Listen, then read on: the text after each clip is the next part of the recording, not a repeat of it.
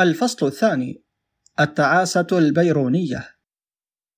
من الشائع في أيامنا هذه كما كان شائعا في فترات كثيرة من تاريخ العالم افتراض أن الحكماء من بيننا قد عركوا كل حماسات الفترات المبكرة وأصبحوا مدركين أنه لم يعد هناك شيء باق يعيشون من أجله.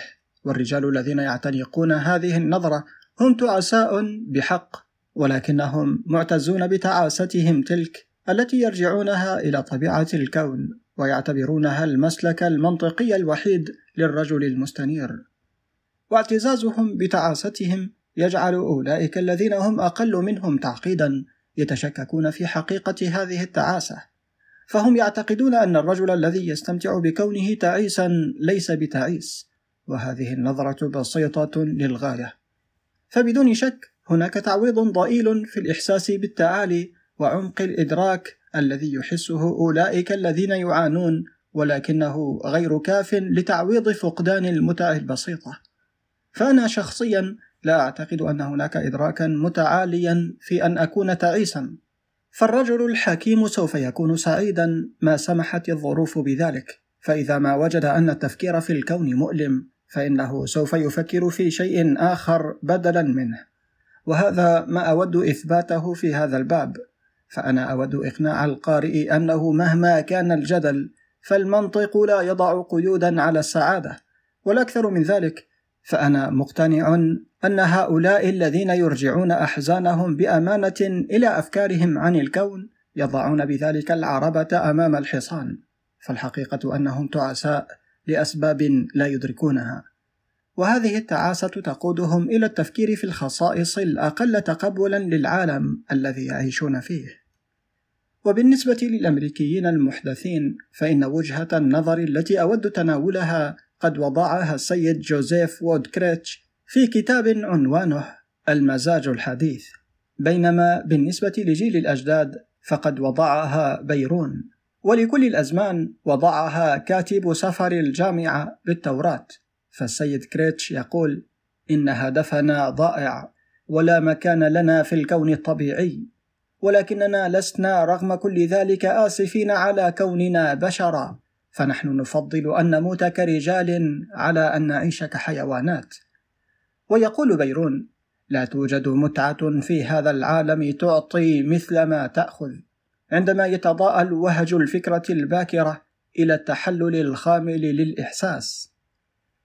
ومؤلف سفر الجامعة بالتوراة يقول لذلك مجدت الموتى الذين ماتوا أكثر من الأحياء الذين لا يزالون يعيشون ولكن الأفضل من الاثنين ذلك الذي لم يوجد بعد الذي لم يرى الشر المصنوع تحت الشمس. كل هؤلاء المتشائمين الثلاثة وصلوا إلى هذه النتائج الكئيبة بعد مراجعتهم لمتع الحياة. فسيد كريتش عاش في أرقى المستويات الفكرية بنيويورك وبيرون عبر الدردنيل وكانت له علاقات غرامية لا حصر لها. ومؤلف سفر الجامعة بالتوراة كان أكثر تنوعا في طلبه للملذات فقد جرب الخمر وجرب الموسيقى وشيئا من كل شيء وبنى فسقيات المياه وكان له خدم من الرجال وقيان من الجواري وخدم مولودون في منزله. وفي كل هذه الأحوال لم تفارقه حكمته قط. ورغم ذلك فقد رأى أن كل ذلك باطل حتى الحكمة. فقد أعطيت قلبي لمعرفة الحكمة ولمعرفة الجنون والحمق. وأدركت أن ذلك أيضا ما هو إلا تكدير للروح.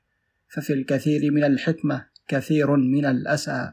ومن يزداد علمه يزداد أساه. فحكمته يبدو أنها تضايقه ويبذل مجهودات غير ناجحة للتخلص منها. فقلت في قلبي اذهب الآن فسوف أغمرك بالغبطة وبالتالي تستمتع باللذة ولكن احذر فهذا أيضا باطل. ولكن حكمته ظلت معه. ثم قلت في قلبي إنما يحدث للإله يحدث لي أيضا. نعتذر من المستمع الكريم عن قراءة المقطع التالي. ومن حظ الأدباء أن الناس لم يعودوا يقرؤون أي شيء كتب قديما حيث إنهم إذا فعلوا فسوف يصلون إلى استنتاج أنه مهما قيل عن فسقيات المياه فإن عمل كتب جديدة عنها هو بالتأكيد باطل. فإذا أمكننا إيضاح أن كتاب سفر الجامعة بالتوراة ليس هو الكتاب الوحيد المتاح للرجل الحكيم فلا يوجد مبرر لإرهاق أنفسنا كثيرا بالكتب الأحدث التي لها نفس النهج والمزاج. وفي جدل من هذا الطراز يجب أن تميز بين المزاج وتعبيره الفكري فلا يوجد جدل مع المزاج. فالمزاج يمكن تغييره بحدث موات أو بتغيير في حالتنا الجسمانية. ولكن لا يمكن تغييره بالجدل. فكثيرا ما جربت أنا شخصيا المزاج الذي شعرت معه أن كل شيء باطل وقد خرجت منه ليس بواسطة أي نوع من الفلسفة ولكن نتيجة ضرورة لازمة للفعل. فإذا كان طفلك مريضا قد تكون غير سعيد ولكنك لن تحس بأن كل شيء باطل وإنما ستحس بأن استعادة طفلك لصحته أمر يجب عليك الاهتمام به دونما النظر لما إذا كانت هناك قيمة قصوى للحياة الإنسانية أم لا؟ فالرجل الغني قد يحس وغالبا ما يفعل بأن كل شيء باطل ولكن إذا حدث وخسر ماله فلن يحس بأن وجبته التالية هي بأي صورة من الصور أمر باطل. فذلك الإحساس هو وليد الإشباع شديد السهولة للاحتياجات الطبيعية. فالإنسان كغيره من الحيوانات متأقلم على كمية معينة من الصراع من أجل الحياة، وعندما يتمكن الإنسان بواسطة الثروة الكبيرة من إشباع كل رغباته دون ما مجهود، فإن مجرد غياب الجهد من حياته يزيل مكونا رئيسيا من مكونات السعادة منها. فالإنسان الذي يمتلك بسهولة الأشياء التي يحس تجاهها برغبة متوسطة يستنتج أن الوصول إلى تحقيق رغباته لا يحقق السعادة فإذا كان من ذوي الميول الفلسفية فإنه يستنتج أن الحياة الإنسانية هي بالضرورة بائسة حيث إن الإنسان الذي لديه كل ما يحتاجه لا يزال غير سعيد وينسى أن افتقاد الإنسان لبعض الأشياء التي يحتاجها يعد جزءا لا غنى عنه من السعادة. كل ذلك كان عن المزاج، ولكن هناك أيضا جدلا فكريا في سفر الجامعة بالتوراة، النهر يصب في البحر ولكن البحر ليس بملآن لا جديد تحت الشمس والأشياء التي مرت لا ذكرى لها. كرهت كل عمل الذي قمت به تحت الشمس لأنني يجب أن أتركه للإنسان الذي سيأتي من بعدي. فإذا ما حاول أحد أن يضع هذه المجادلات على النسق الفلسفي الحديث فستصبح على النحو التالي. الإنسان في كد مستمر والمادة في حركة مستمرة ولا شيء يتوقف رغم أن الأشياء الجديدة التي تأتي لاحقا لا تختلف بأي صورة من الصور عن الأشياء التي حدثت من قبل. فالرجل يموت ويجمع وارثه فوائد عمله والأنهار تصب في البحار ولكن ماءها غير مسموح له بالبقاء هناك والكرة تلو الكرة في دائرة عديمة الغرض لا نهاية لها. يولد الإنسان والأشياء ويموتون دون ما أي تحسن دون ما أي إنجاز دائم. يوما بعد يوم وعاما بعد عام. فالأنهار لو كانت حكيمة لمكثت في مكانها. ولكن كيف تبدو كل هذه الأمور مختلفة بمزاج آخر؟ ماذا عن ناطحات السحاب؟ الطائرات وخطب الساسة المذاعة. ماذا كان سليمان عليه السلام يعلم عن هذه الأشياء؟ فإذا كان قد تمكن من سماع خطبة ملكة سبأ لرعاياها في الإذاعة عند عودتها من ممالكه أما كان في ذلك تعزية له وهو بين أشجاره وفسقياته. إذا كانت لديه وكالة إعلامية تجعله يدرك ما قالته الصحف عن بديع عمارته وراحة حريمه. واندحار أنداده في محاوراتهم معه لكان سيذهب للقول بأنه لا جديد تحت الشمس. ربما لم تكن هذه الأشياء ستشفيه تماما من التشاؤم ولكنها كانت لا بد أن تعطيه تعبيرا جديدا. يذكر الكاتب هذه المعلومات وأظن أنه استسقاها من التوراة والتي لا بد أن تكون محرفة. نتابع القراءة. وبالتأكيد فإن إحدى شكاوى السيد كريتش من زماننا هذا هي أنه يوجد الكثير من الأشياء الجديدة تحت الشمس فإذا كان غياب أو وجود الجديد كلاهما مزعج بنفس الدرجة فإنه من الصعب أن يكون أحدهما هو السبب الحقيقي لليأس. ومرة أخرى انظر إلى الحقيقة. كل الأنهار تصب في البحار ولكن البحر لا يزال غير مليء. إن الأنهار لتعود مرة أخرى إلى المكان الذي جاءت منه. فبغض النظر عن أنها سبب للتشاؤم فإن ذلك يفترض أن السفر غير ممتع. فالناس تذهب للمنتزهات في الصيف ولكنها تعود مرة أخرى إلى المكان الذي جاءت منه. ولا يبرهن ذلك على عدم جدوى الذهاب إلى المنتجعات في الصيف. فلو وهبت المياه القدرة على الإحساس فغالبا ما كانت ستستمتع بدورة المغامرة على غرار سحابة شيلسي. أما عن ألم ترك الأشياء لوارث فهذا الأمر يمكن النظر إليه من زاويتين. فمن وجهة نظر الوارث فهذا الأمر بالتأكيد يعد أقل ضررا. وحقيقة أن كل الأشياء تزول لا تشكل سببا للتشاؤم. فلو أن الأمور تبعتها أمور أسوأ فقد يكون ذلك مبررا للتشاؤم. ولكن لو تبعتها أمور أفضل فإن ذلك يعد مبررا للتفاؤل. فماذا ترانا نظن إذا ما كانت الأمور تتبعها أمور مماثلة لها تماما؟ ألا يجعل ذلك كل هذه العملية عديمة الجدوى؟ بالطبع لا ما لم تكن المراحل المختلفة مؤلمة في حد ذاتها. وعادة النظر إلى المستقبل والتفكير في أن كل معنى للحاضر يكمن فيما سوف يأتي به هي عادة ضارة فلا يمكن أن تكون هناك قيمة للكل ما لم تكن هناك قيمة للأجزاء. والحياة لا يجب النظر إليها كما ينظر للميلودراما التي يمر فيها البطل والبطلة بمآس مفجعة ثم تعويضهما عنها بالنهاية السعيدة. فأنا أعيش ولدي يومي وابني سيخلفني وسيكون له يومه وابنه بدوره سيخلفه. فعلى العكس إذا عشت إلى الأبد فإن مباهج الحياة لا بد وأن تفقد طعمها في النهاية. أما على حالتها الراهنة فهي متجددة عاما بعد الآخر. إني لأدفئ كلتا يدي أمام نار الحياة. هي تذوي وأنا مستعد للرحيل. هذا السلوك منطقي بنفس الدرجة كالسخط من الموت. فإذا ما كانت الأمزجة تتحدد بالعقلانية فستوجد مبررات للتفاؤل مساوية لتلك الخاصة باليأس. وسفر الجامعة بالتوراة مأساوي وكتاب المزاج الحديث للسيد كريتش متشائم، فالسيد كريتش في أعماقه حزين لأن يقين الأزمان القديمة قد تهاوى، وتهاوى أيضا بعض اليقين الذي له أصول أحدث.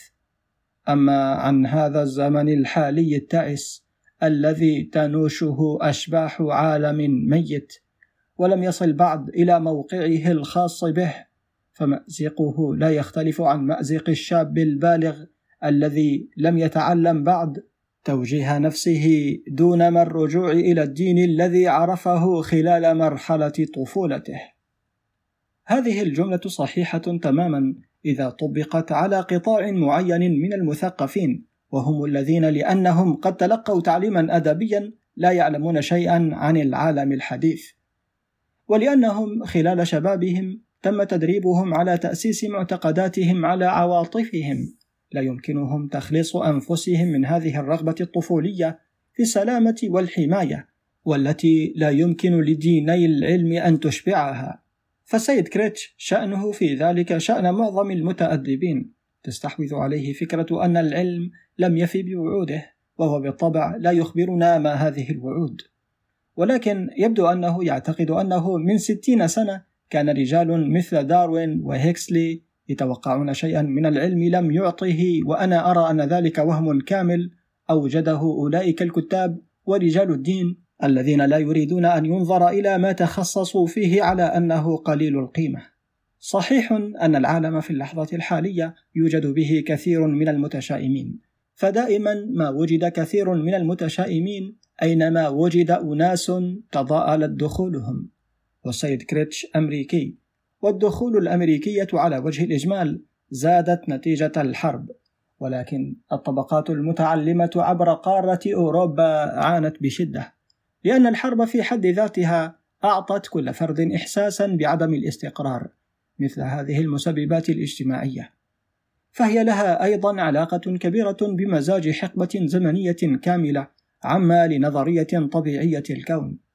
فقليل من العصور كان أكثر يأسا من القرن الثالث عشر رغم أن هذا الإيمان الذي يأسف السيد كريتش عليه كثيرا كان موجودا لدى كل فرد فيما عدا الإمبراطور وقليل من النبلاء الإيطاليين العظام. لهذا يقول روجر بيكون لأن الخطايا التي توجد في أيامنا هذه هي أكثر من أي عصر مضى والخطيئة لا تتوافق مع الحكمة. دعنا ننظر إلى كل الأحوال في العالم ونوليها الاعتبار في كل مكان فسنجد فسادا لا حدود له. وبالدرجة الأولى في الرأس فالعهر دنس البلاط بكامله والنهم هو سيد الجميع. فإذا كان ذلك ما حدث في الرأس فكيف يكون حال باقي الأعضاء؟ وننظر إلى التعاليم الدينية وأنا لا أستعيد شيئا مما أقول.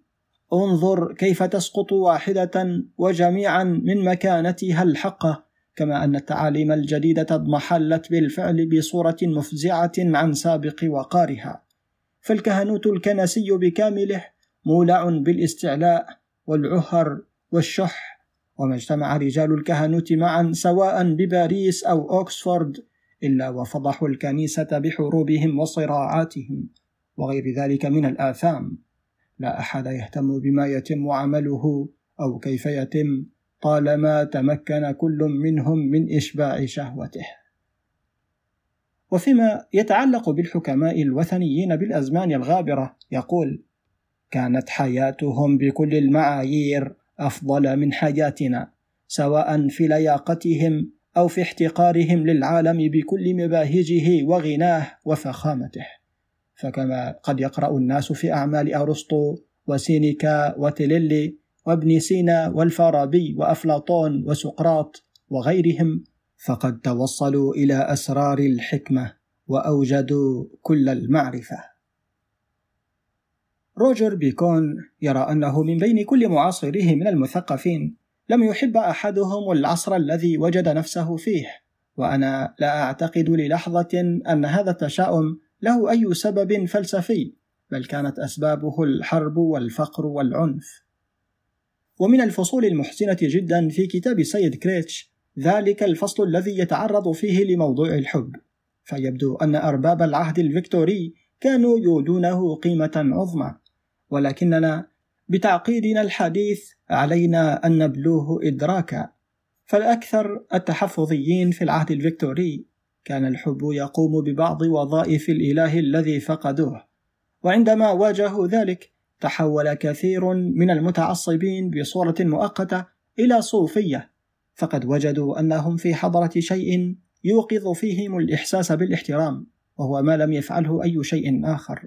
شيء احسوا تجاهه حتى في أعمق أعماق وجودهم بولاء غير محدود. فبالنسبة لهم كان الحب كالإله يطلب كل التضحيات ويجزي المؤمن بأن يعطى معنى لمظاهر الحياة التي لم يتم فهمها بعد. ونحن قد نشأنا معتادين أكثر منهم على كون بلا إله. يصف الكاتب حال الغرب طبعا. ولكننا لم نعتد بعد على كون بلا حب. وعندما نعتاد ذلك أيضا فلسوف ندرك ما يعنيه الإلحاد حقيقة. نعوذ بالله من ذلك. لا إله إلا هو. من الطريف أن يبدو العهد الفيكتوري مختلفا لشباب زماننا هذا عما يراه واحد ممن عاشوا فيه.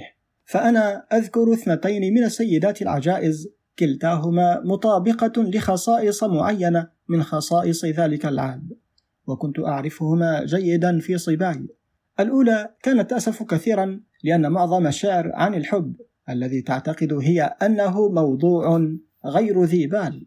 أما الأخرى فقد أبدت هذه الملاحظة. رغم أن أحدا لا يستطيع أن يقول شيئا ضدي فأنا أقول دائما أن كسر الوصية السابعة مثله مثل كسر الوصية السادسة. ليس أمرا بالغ السوء لأن ذلك يتطلب على أية حال موافقة الطرف الآخر. انتهى كلامها.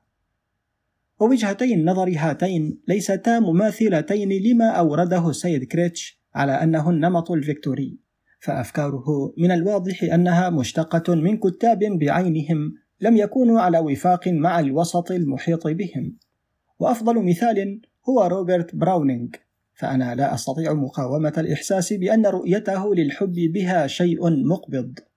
الحمد لله فأدنأ مخلوقاته. نعتذر للمستمع الكريم عن قراءة باقي الشعر لما فيه من فحش وكفر. وهذا ما يجعل الشراسة هي السلوك الوحيد في مواجهة العالم على اتساعه. لماذا؟ لأن العالم قاس كما يقول براونينغ بل لأنه لن يقبلك وفقا لتقييمك الخاص كما يجب أن نقول نحن. فقد يكون اثنان كما كون الثنائي براونينغ إعجابا متبادلا. فمن الممتع حقا أن يكون في متناول يدك شخص من المؤكد أنه سيمتدح عملك سواء كان عملك يستحق أم لا. ولقد كان براونينغ بلا شك يحس أنه شخص رفيع التكوين ورجل عن حق عندما قام بالتشهير بفيتس جيرالد بصورة غير مسبوقة لأنه تجرأ ولم يعجب بأورورا لايه ولا يمكنني الإحساس بأن تعطيل القدرة النقدية عند كلا الطرفين أمر يستحق الإعجاب لأنه يتخلله الخوف والرغبة في اللجوء إلى ملاذ من لسعات النقد غير المتحيز الباردة. وكثير من العزاب المسنين يتعلمون كيف يحصلون على نفس الإشباع من جانب المدفأة الخاصة بهم. ولقد عشت طويلا في العهد الفيكتوري إلى الحد الذي لا يمكن معه القول وفقا لمعايير السيد كريتش أنني محدث فأنا لم أفقد إيماني بالحب لأن الحب الذي أؤمن به حب مغامر مفتوح العينين وهو بينما يعطي معرفة الخير لا يشتمل على نسيان الشر. ولا يدعي الطهر ولا القداسة. ويرجع هذه الخصائص إلى نوع الحب الذي كان مفضلا في ذلك الوقت كان مرده تحريم الجنس. فالفرد في العهد الفيكتوري كان شديد الاقتناع بأن معظم الجنس شر وكان عليه أن يضع شروطا مبالغا فيها لنوع الحب الذي يقره ويرضاه. ولقد كان الجوع الجنسي في ذلك الوقت أكثر مما هو عليه الآن مما دفع الناس بلا شك إلى المبالغة في أهمية الجنس كما يفعل الرهبان دائما. ونحن نمر في أيامنا هذه بفترة متخبطة حيث تخلص كثير من الناس من القيم القديمة دون أن يكتسبوا قيما جديدة. وقد قادهم ذلك إلى مختلف المتاعب. ولأن عقلهم غير الواعي لا يزال يؤمن بالقيم القديمة فإن متاعبهم عندما تحدث تؤدي بهم إلى اليأس والندم والزهد. ولا أعتقد أن عدد الناس الذين يحدث لهم ذلك كبير جدا ولكنهم من بين أكثر الناس حديثا في زماننا هذا. وأعتقد أنه إذا أخذنا أواسط الناس صغار السن والمقتدرين ماديا في هذا الزمن وفي العهد الفيكتوري فسنجد أن السعادة المتصلة بالحب هي الآن أكبر كثيرا وأن الاعتقاد في قيمة الحب هي الآن أكبر كثيرا عما كانت عليه منذ ستين عاما. والأسباب التي تدفع بعض الأشخاص إلى الزهد مرتبطة بطغيان المثل العليا القديمة على العقل غير الواعي وبغياب الرشد الأخلاقي الذي يمكن عن طريقه لأهل زماننا الحالي تنظيم سلوكهم. والعلاج لا يكمن في التحسر والحنين للماضي ولكن في القبول الشجاع للنظرة الحديثة والتصميم على اقتلاع كل الخرافات المهملة من كل أماكن اختفائها الغريبة. وأن تقول باختصار لماذا يضع الفرد قيمة للحب ليس بالأمر السهل. ورغم ذلك فسوف أحاول فالحب يجب أن تكون له قيمة منذ الوهلة الأولى لأنه في حد ذاته مصدر للفرحة. ورغم أن ذلك قد لا يكون أعظم قيمة للحب فإنه يعد أساسيا لكل القيم الأخرى. آه يا حب يخطئون فيك كثيرا. عندما يقال أن حلوك مر رغم أن ثمارك الغنية لا شيء أكثر منها حلاوة. والكاتب المجهول لهذه الأبيات لم يكن ينشد حلا للإلحاد أو مفتاحا لفهم الكون بل كان يمتع نفسه فحسب. والحب ليس فقط مصدرا للفرحة ولكن غيابه مصدر للألم. وفي المقام الثاني فإن الحب يجب أن تكون له قيمة لأنه يفضل كل المتع مثل الموسيقى وإشراق الشمس على الجبال ومنظر البحر تحت القمر الطالع. والرجل الذي لم يستمتع مطلقا بالأشياء الجميلة عندما يكون بصحبة المرأة التي يحبها لا تكتمل معرفته بالقوة السحرية لهذه الأشياء.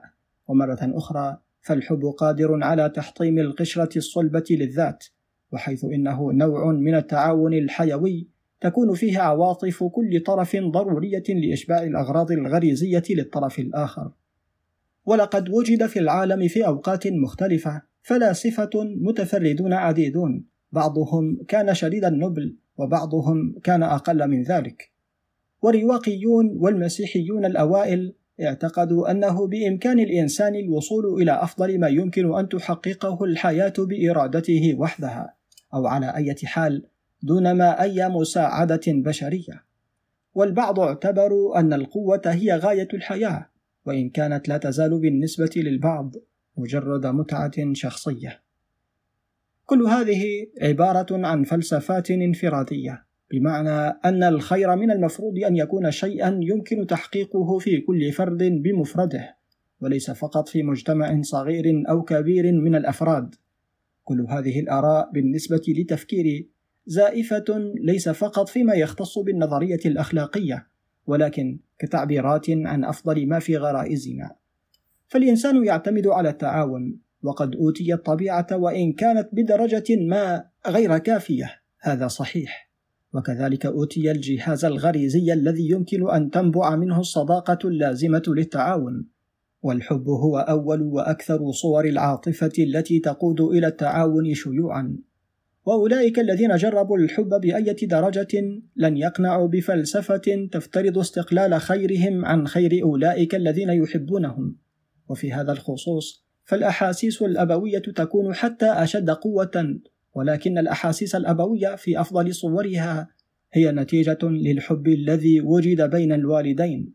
ولا أدعي أن الحب في أقصى صوره شائع ولكنني لا أزال أعتقد أن الحب في أقصى صوره يكشف عن قيم كان لا بد في غير هذه الحالة أن تظل غير معروفة وأنه في حد ذاته له قيمة لا يعتورها الزهد رغم أن الزاهدين الذين لا يستطيعون الحب قد يرجعون عدم قدرتهم على الحب بطريقة زائفة إلى الزهد. الحب الحقيقي نار خالدة تحترق دوما في العقل لا تضعف لا تموت ولا تبرد. ولا تتحول عن نفسها أبدا. وأعود مرة أخرى إلى ما قاله السيد كريتش عن المأساة فهو مقتنع وأوافقه على ذلك أن الأشباح لإبسن أردأ من الملك لير. لا توجد قوة تعبيرية زائدة ولا موهبة عظيمة مع الكلمات يمكنها تحويل إبسن إلى شكسبير فالمادة التي صاغ منها الأخير أعماله وإدراكه لكرامة الإنسان وإحساسه بأهمية عواطف الإنسان ورؤيته لتنوع الحياة الإنسانية لا يمكن ببساطة أن تكون لايبسن كما أنها لم تكن لأي من معاصريه. فالإنسان والطبيعة قد تضاءلوا خلال القرون التي مرت بين شكسبير وإبسن ليس لأن المدرسة الواقعية للفن الحديث جعلتنا نتطلع إلى بشر حقراء. ولكن لأن حقارة الحياة الإنسانية قد فرضت علينا فرضا نتيجة لنفس المراحل التي أدت إلى تقدم النظريات الواقعية للفن والتي بها يمكن تبرير رؤيتنا. وهذه بغير شك هي قضية أن طراز المأساة القديم الذي تعامل مع الأمراء وأحزانهم ليس مناسبا لعصرنا. وعندما نحاول أن نتعامل بنفس الأسلوب مع أحزان فرد شاذ فلن يؤدي ذلك إلى إحداث نفس الآثار. وليس السبب هو تدهور نظرتنا للحياة ولكنه نقيض ذلك. إذ يرجع في الحقيقة إلى أننا لا نستطيع الآن اعتبار أن بعض الأشخاص هم عظماء الأرض ولهم الحق في العواطف المأساوية. بينما الباقون يجب أن يكدوا ويتعبوا لينتجوا عظمة هذه القلة. فشكسبير يقول عندما يموت الشحاذون لا تظهر مذنبات ولكن السماوات ذاتها تلتهب معلنة موت الأمراء. ففي أيام شكسبير كانت هذه العاطفة تعبر عن نظرة تكاد أن تكون كونية رغم أن أحدا لم يصدقها حرفيا وقد قبلها شكسبير نفسه. لهذا كان موت الشاعر كوميديا بينما كان موت قيصر وبروتس وكاسيوس. مأساويا. والأهمية الكونية لموت شخص غير معروفة لنا لأننا أصبحنا ديمقراطيين. ليس فقط في أشكالنا الخارجية ولكن في أعمق معتقداتنا أيضا. فالمأساة المفجعة في أيامنا هذه يجب عليها الاهتمام بالمجموع وليس بالفرد. ولسوف أعطي مثلا لما أعنيه بكتاب المجموع والإنسان لأرنست مولر. ولا أدعي أن هذا العمل بنفس مستوى جودة أعمال العصور الماضية ولكني أعتقد أنه نظير لها بدرجة عادلة فهو نبيل شامل وواقعي ويتعلق بأعمال بطولية ويطهر القارئ عبر التقلب بين الإشفاق والرهبة كما طلب أرسطو في العمل أن يكون. وهناك قليل من الأمثلة لهذا الطراز الحديث من المأساة حيث إن الأسلوب القديم والعادات القديمة كان يجب تركهما دون أن يحل محلهما أمر تعليمي معتاد. فلكي يكتب فرد ما مأساة يجب أن يحس بالمأساة. ولكن لكي يحس بالمأساة يجب على الفرد أن يكون مدركا للعالم الذي يعيش فيه. ليس فقط بعقله ولكن بدمه وأعصابه. والسيد كريتش يتحدث عبر كتابه وعلى فترات متلاحقة عن اليأس. وأنه لمؤثر للغاية قبوله البطولي لعالم كئيب. ولكن الكآبة ترجع إلى حقيقة أنه هو ومعظم المثقفين لم يتعلموا بعد أن يحسوا بالعواطف القديمة كاستجابة لمنبهات جديدة. فالمنبهات موجودة ولكن ليس في الحلقات العلمية. فالحلقات العلمية ليس لها اتصال حي بحياة المجتمع رغم أن مثل هذا الاتصال يعد ضروريا إذا ما كان لأحاسيس الرجال الجدية والعمق اللذين بهما تتصاعد المأساة أو السعادة الحقيقية. ولكل الشباب الموهوبين الذين يدورون حول الأحاسيس بأن العالم ليس فيه شيء مهم ليعملوه يجب أن أقول دعوا محاولة الكتابة وبدلا من ذلك حاولوا ألا تكتبوا اذهبوا إلى العالم ولتصبحوا قراصنة أو ملوكا في بورنيو أو عمالا في روسيا السوفيتية وامنحوا أنفسكم وجودا يستحوذ فيه إشباع رغباتكم الجسدية الأولية على كل طاقاتكم. ولا أقترح هذا المسار لكل فرد ولكن فقط لأولئك الذين يعانون من المرض الذي يشخصه السيد كريتش. وأعتقد أنه بعد عدد من السنين في مثل هذا الوجود فإن المفكر السابق سيجد أنه بالرغم مما يبذله من مجهود لا يستطيع الإقلاع عن الكتابة وعندما يحين هذا الوقت لن تبدو له كتابته عديمة القيمة.